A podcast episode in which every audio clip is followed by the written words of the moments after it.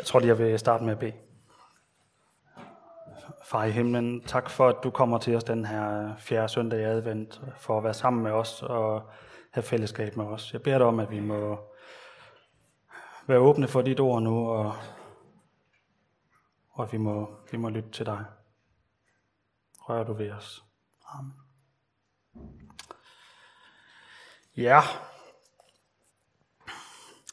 jeg ved ikke, om I, har I nogensinde prøvet, øh, når, I, når I er derhjemme, øh, i hvert fald de voksne af jer, og skal prøve at snakke til en, en teenager, eller nogen, der sidder med snuden ned i telefonen, og I prøver at få deres opmærksomhed.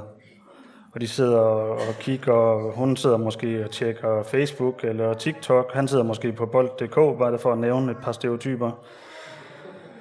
Og man kan ikke rigtig få hul igennem, og når man spørger om noget, og har du husket det, og hvad med det, og så siger de bare, ja, mm, ja, ja, ja, ja, ja, ja. Mm. Og det er ret åbenlyst, at de lytter ikke rigtigt. De sidder bare, mm, ja. Har I så nogen idé til, hvordan man prøver, hvordan man så får deres opmærksomhed?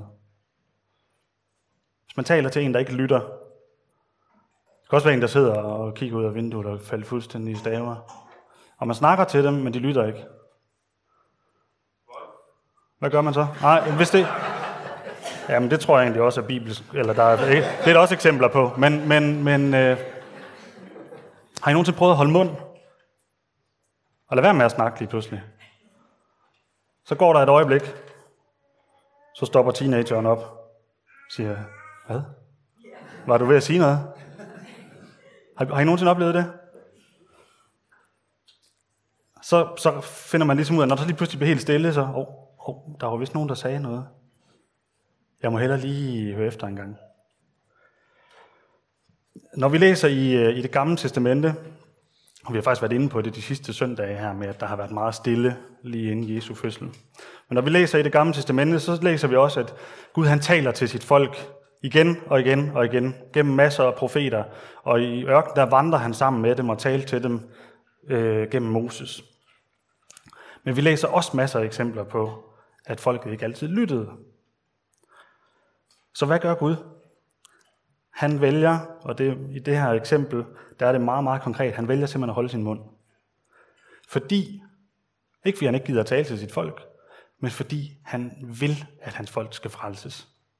Det er så vigtigt for ham. Frelsesplanen har ligget klar lige fra Edens have. Gud elsker sit folk, og han vil, at de skal frelses. Så han holder mund og prøver at få dem til at rette fokus.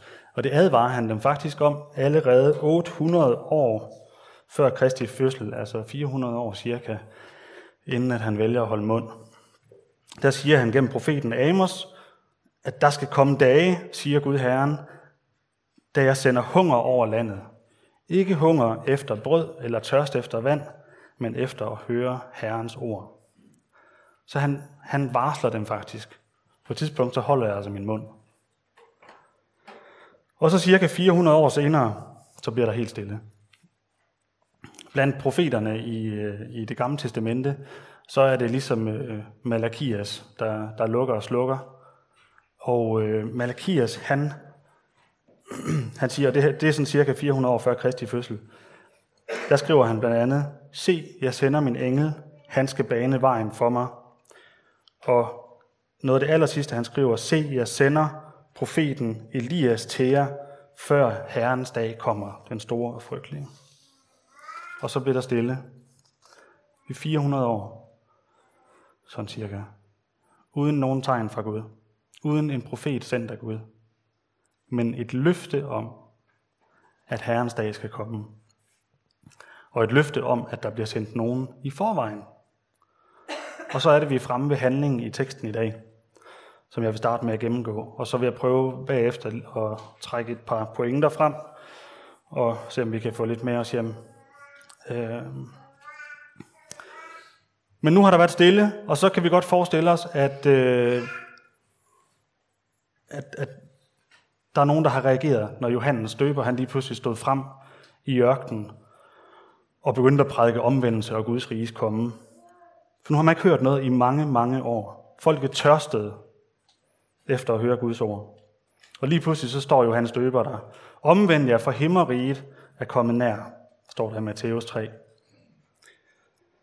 Og det strømmer til med folk. Og hvad sker der så?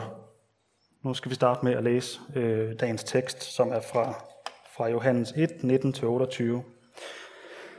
Dette er Johannes' vidnesbyrd, da jøderne fra Jerusalem sendte præster og levitter ud til ham for at spørge ham. Hvem er du?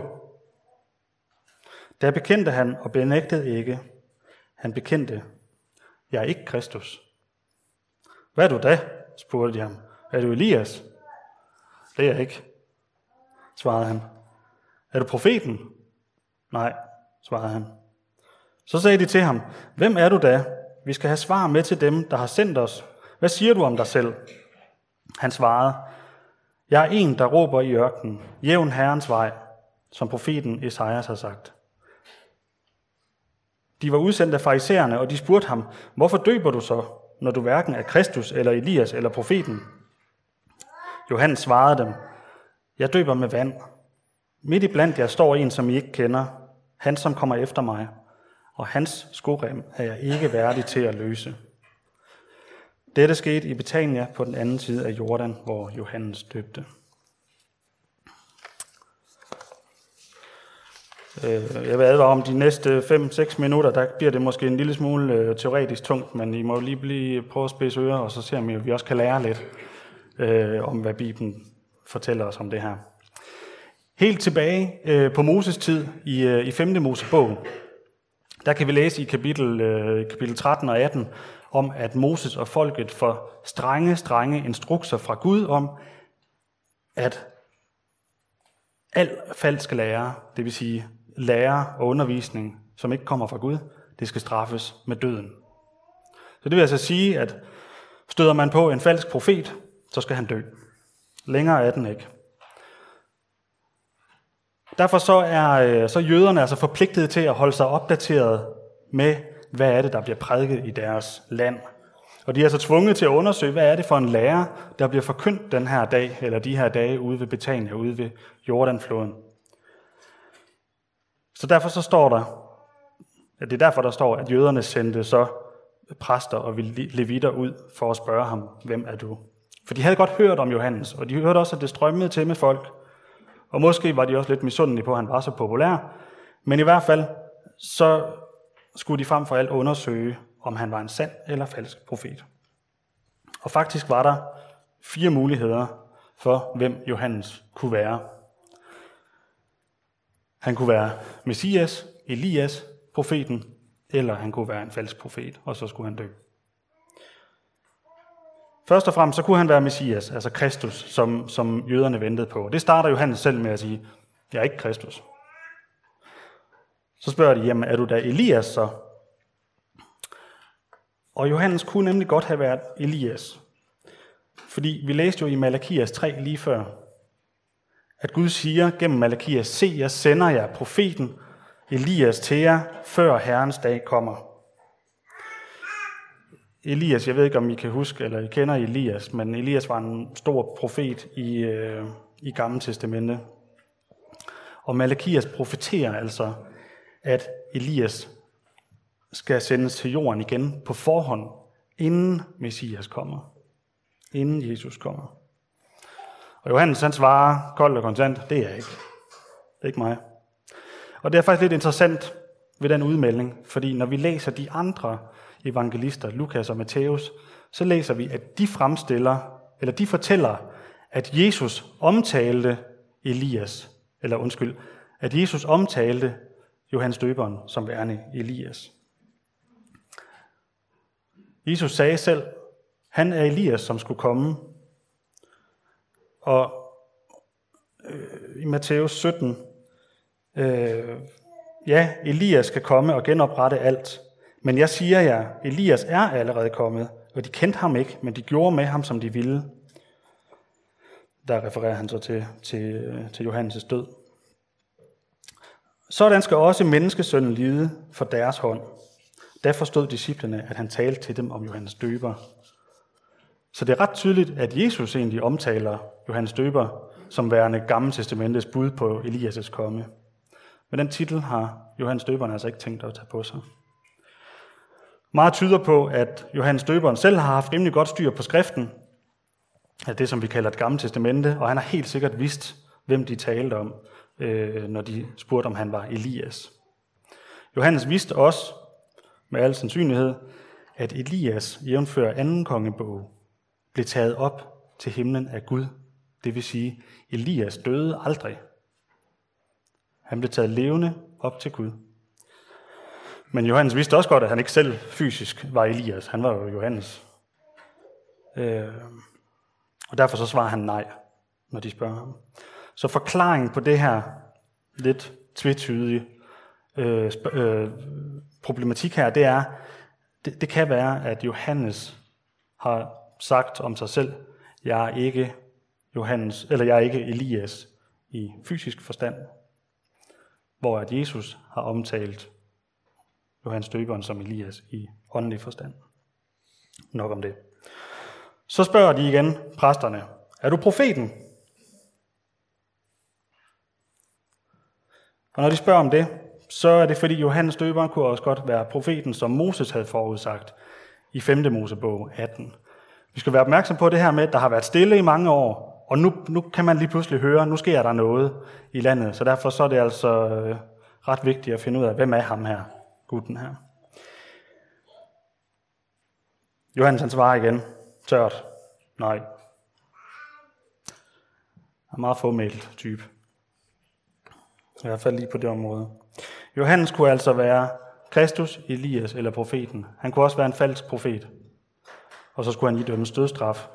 Men så langt når det, vi er ikke her, fordi nu bliver de desperate, dem der var sendt ud for at høre ham.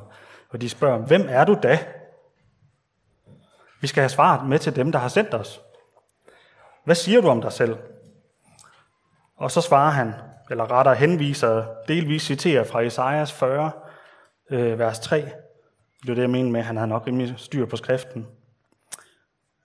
Han citerer, der er en, der råber, ban herrens vej i ørkenen. Jævn en vej for Gud i det øde land. Og så spørger de så, hvorfor døber du så, når du hverken er Kristus, Elias eller profeten? Der var en, øh, der var en jødisk tradition, der opstod i en meget streng jødisk klostersekt, øh, som man kaldte essærerne. Øh, der brugte man et dåbsritual som en form for renselse, når, øh, når en hedning kom til tro eller blev jøde. Og det var altså kun ikke-jøder, det vil sige hedninger, som blev døbt, når de omvendte sig til jødedommen. Og i det her tilfælde, så var Johannes døberen jo i fuld sving med at døbe selveste jøderne til omvendelse. Så den religiøse ledelse i Jerusalem, de var altså meget interesseret i, de var lidt på stikkerne for at finde ud af, om der virkelig, samtidig med den her forkyndelse, der trak så mange mennesker til, om der virkelig foregik dåb. Og med hvilken ret han havde til at gøre det. Det var i sig selv ret provokerende signal at sende, at han gav sig til at døbe, når traditionen var, at det var hedninger, der blev døbt. Så var det sådan lidt en provokation, hvor han egentlig signalerede, at jøderne også var en slags hedninger, der havde brug for omvendelse. Så hvorfor døber du så, når du hverken er Kristus eller Elias eller profeten? Og så siger Johannes, jeg døber med vand, og midt i blandt jer står en, som I ikke kender, som kommer efter mig, og hans skorem er jeg ikke værdig til at løse. Det var sådan lige en hurtig tekstgennemgang. Og jeg har så valgt at holde fast i det her citat fra øh, Esajas 40, vers 3, hvor at, øh, ja, egentlig bare den ene sætning, jævn herrens vej. Og øh, så må vi se, om vi kan få det til at give mening i, i lyset af den her tekst. Og jeg vil egentlig kun sige to ting. Jeg vil sige noget om, hvordan jævner jeg Herrens vej ind i mit eget liv, og hvordan jævner jeg Herrens vej ind i andres liv. Og vi starter med det første. Nu er det snart jul igen, og øh, om bare seks dage, så skal vi fejre juleaften. De fleste er sikkert sammen med vores, øh, vores familier. Og jeg ved ikke, om I er klar til jul. Har I fået koordineret alle julegaverne? Altså, jeg har jo en kone, som tager sig af alle julegaver. Hun står med sanden også for alle gaverne i min familie. Til mine jæser og nevøer og forældre og alting. Den eneste gave, jeg selv skal ud og købe, det er faktisk min gave til Tanja. Det er ret luksus. I år der har vi så allerede købt en gave til hinanden, så, så det er rigtig nemt i år. En ny kaffemaskine. Ja. Men det er altså et kæmpe koordineringsarbejde. Der er rigtig mange ønskelister at, øh, at holde styr på, og ved den, der kommer til at købe den samme gave fra en ønskeliste, som en anden gør. Så alt skal ligesom koordineres, aftales med alle. Udover gaverne, så har vi også øh, vi har styr på maden, vi har styr på enderne, og vi har styr på, hvem der laver hvad mad juleaften. Øh, vi har også styr på alle helligdagene henover, hvad skal vi lave, hvornår, og familie kom sammen og så videre.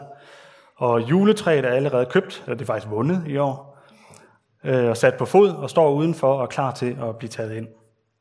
Så man kan vel nærmest sige, at vi er klar til at holde jul hjemme hos os. Vi har, om man så må sige, jævnet vejen. Nu kan julen bare komme. Vi er klar. Og så er mit spørgsmål, både til mig selv, og måske, måske også til dig. Hvad med Herren? Hvad med Jesus? Har vi jævnet vejen for ham? Er vi klar til at modtage det her lille barn i krybben som vores skaber og frelser? Og det budskab, som han kommer med i julen. Johannes han siger det til os i dag. Jævn vejen ud, så Herren kan komme til. Så han kan komme til i dit liv med hans glæde. Og hvordan bliver vi så klar til det? Hvordan jævner vi vejen, så Jesus han kan komme til os med sit budskab om fred? Og jeg tænker ikke på den julefred, som, øh, som man mærker, når øh, anden er spist, og, og gaverne er pakket ud, og ungerne leger, og svigerforældrene snakker, og man har fået skænket et lille glas konjak op, og benene ryger op i sofaen og sådan noget. Det er også, det er også julefred, men der er en julefred, som overgår enhver forstand. En julefred, som giver ægte fred. Fred med Gud og evigt liv med ham. Og det er den julefred, som Jesus han kommer med. Og den skal vi bage en vej for. Og Johannes Døberen han har svaret på, hvordan vi gør det. I Matteus evangeliet læser vi, at Johannes råbte til folket, omvend jer, for himmeriget er kommet nær. Omvend jer. Prøv at spørge dig selv, hvad har jeg gang i i mit liv lige nu? Har jeg synd? Har jeg ting i mit liv, som får lov til at fylde, og som får lov til at blokere for, at Jesus han kan komme ind i mit liv med evangeliet til mig? Har jeg sluttet fred med synd i mit liv? Eller sagt på nu dansk, har jeg sluttet fred med nogle prioriteter i mit liv, som er i strid med Guds vilje og den måde, som han ønsker, jeg skal leve på? Øh, da vi havde lovsangsgudstjeneste for, for et par uger siden, så var øh, Bent op og sige noget om, om synden i vores liv, og om vores behov for at bekende vores synd for Jesus. Og han sagde noget om, hvor vigtigt det er, at vi har en ærlig forbindelse til Jesus. Ikke en ren og syndfri forbindelse, det får vi aldrig, men at vi har en ærlig forbindelse til Jesus. Og bagefter så gik øh, til den samme gudstjeneste, så gik Karoline op og pointerede øh, blandt andet, hvordan verden reagerer på, når vi taler om synd. Karoline sagde blandt andet, at, at nogle mennesker mener, at vi kristne, kristne vi, øh, vi banker os selv i hovedet med en stor hammer, og at vi nødvendigvis må være nogle stakler med lavt selvværd, fordi vi ser os selv som syndere. Så prøv en gang at forestille jer, hvordan det havde været, hvis øh, Johannes Døberen han stillede sig op her i 2020, øh, 2022 og prædikede, som han gjorde dengang. Den der direkte stil.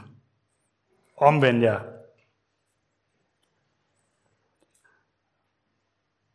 Vi vil selvfølgelig gerne tage imod øh, nye mennesker i vores Bornholmer Kirke. Også folk, som ikke har mødt Jesus endnu. Men jeg tror også, de fleste af os vil godt lige underholde folk lidt, og få dem til at føle sig godt til rette, og acceptere os som, som fællesskab. Øh, før vi så lige så forsigtigt forsøger at, at servere evangeliet øh, til dem. Vi vil gerne have, de, have nye mennesker til, eller nye mennesker i vores fællesskab til at falde til og acceptere os som søde mennesker, og dejligt, rummeligt og fagnende fællesskab, inden vi smider de brutale facts på bordet. Og der så Johannes Døberen, han så det anderledes på det. Han havde et eneste mål i sit liv, og det var at pege hen på Jesus. Omvend jer. Og hvis der var nogen, der var skeptiske og synes, at det var lige kontant nok, så supplerede han. Så sagde han, hvem har bildt jer ind, at I kan flygte fra den kommende vrede? Så bærer der den frugt, som omvendelsen kræver. Og omvendelse er jo, at man vender om. Jeg vender mig 180 grader om. Det, jeg har gang i nu, det vender mig om fra og vender mig mod Jesus.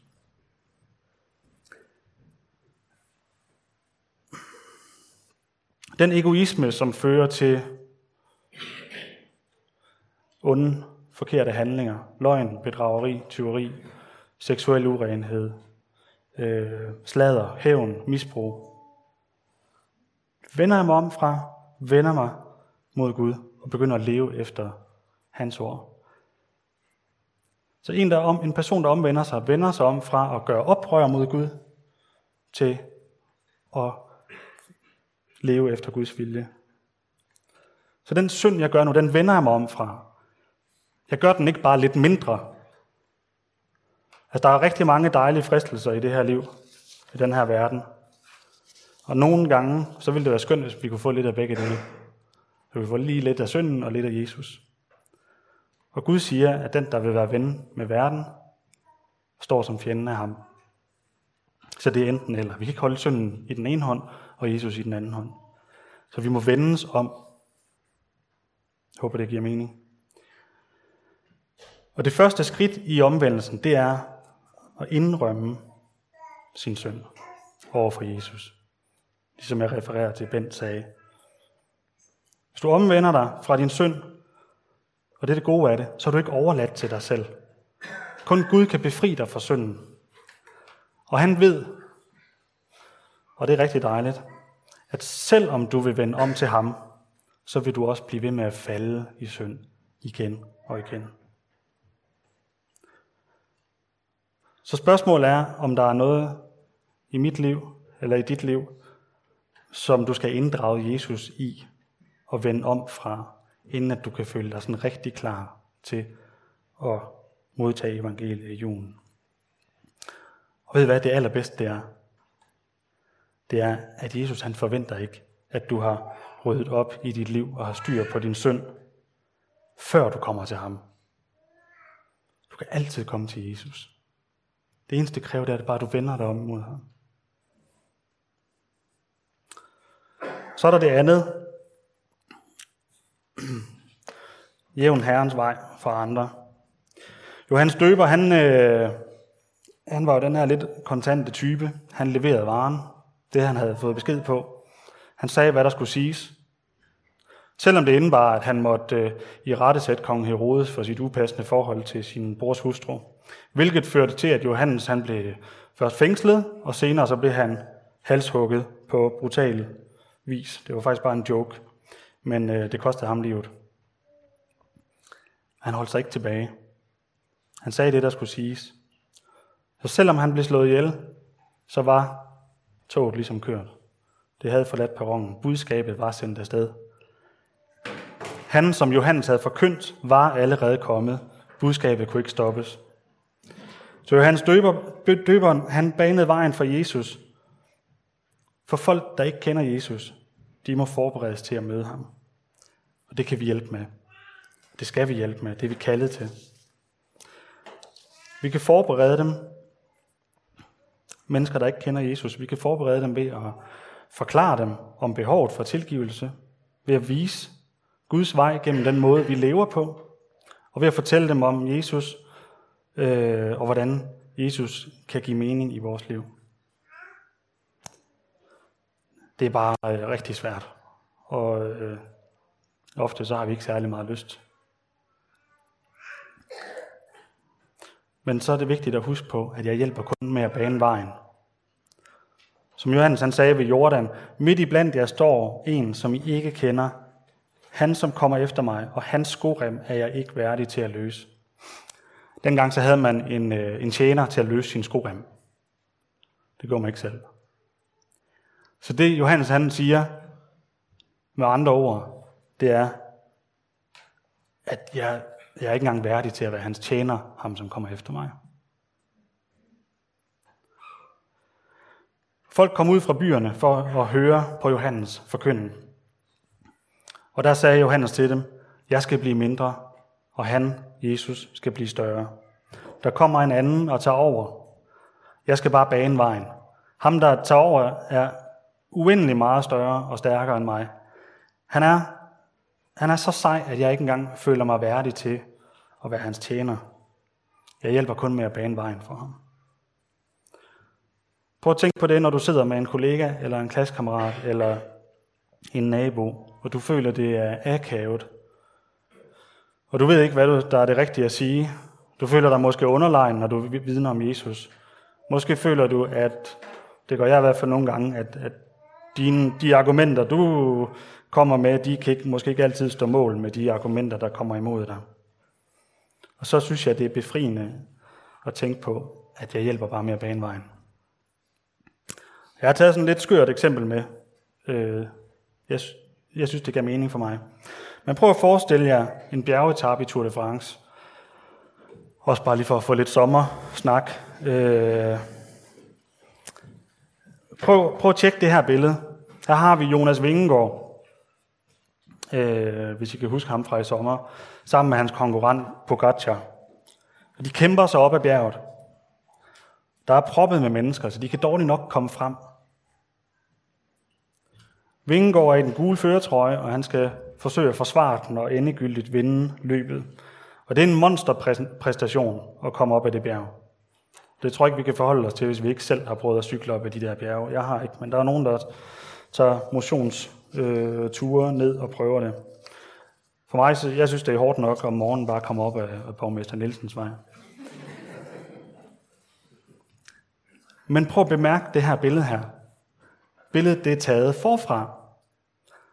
Og der sidder altså en kameramand på en motorcykel og fotograferer bagud. Og jeg godt love, at den her kameramand, han har ikke, øh, han har ikke lige så høj puls, som, øh, som Jonas Vingegaard og Pocaccia, de har. Men de baner vejen. Jeg ved godt, det er et skørt billede, men jeg synes, det giver mening. Og jeg tør, jeg tør næsten ved med, at kameramanden og motorcyklistens navne de er ikke kendt for ret mange af os, øh, når vi ser rulleteksterne til sådan en etape her. Vi ser dem ikke i medierne, øh, på podiet eller på forsiderne. Og det er heller ikke dem, der skal bestige bjerget og levere en præstation i verdensklasse. De baner bare vejen. Og hvis vi skal blive i det billede, så baner de ikke bare vejen, men de sikrer også, at hele verden kigger på dem, der ligger forrest i feltet. de filmer jo ikke sig selv, de der, det har jeg aldrig set i hvert fald, at øh, kameramanden han sidder og tager billeder af sig selv. Han sørger for hele tiden, at der er fokus på dem, der er forrest.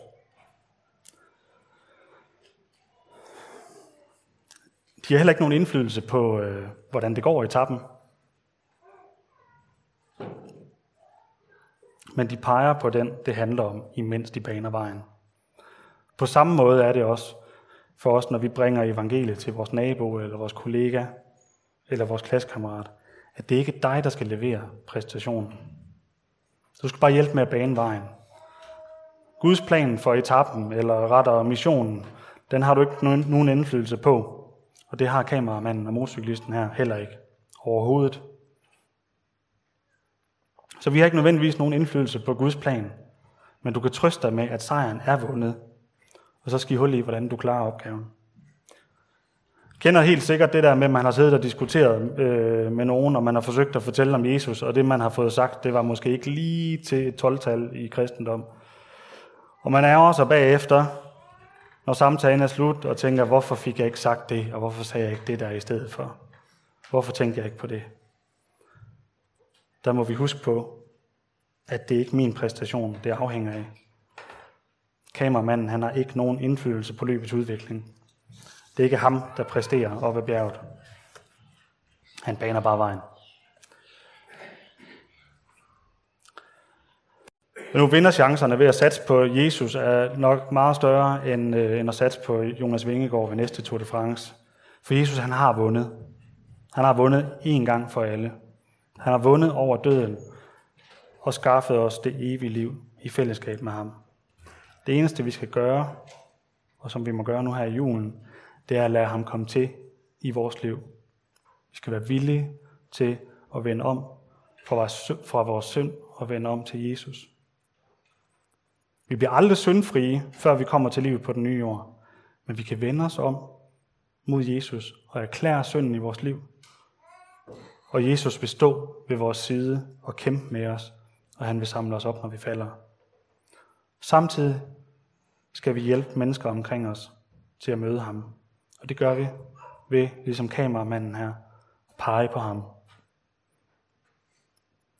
Og lade os selv blive mindre, og ham blive større. Ligesom Johannes Døber sagde. På den måde baner vi vejen for Herren. Lad os bede sammen. Far i himlen, hjælp os med at, at bane vejen for dig. Hjælp os med at, at gøre klar til, at du kan komme ind i vores liv og give os din fred. Gør os klar til det. Hjælp os med pege på synd i vores liv, som må blokere for, at, og som fylder på vejen, som vi skal have jævnet, for at du kan komme til. Og beder dig om, at du vil hjælpe os med at jævne din vej for andre, så du kan komme ind i andre menneskers liv, og de må møde dig og møde din fred. Amen.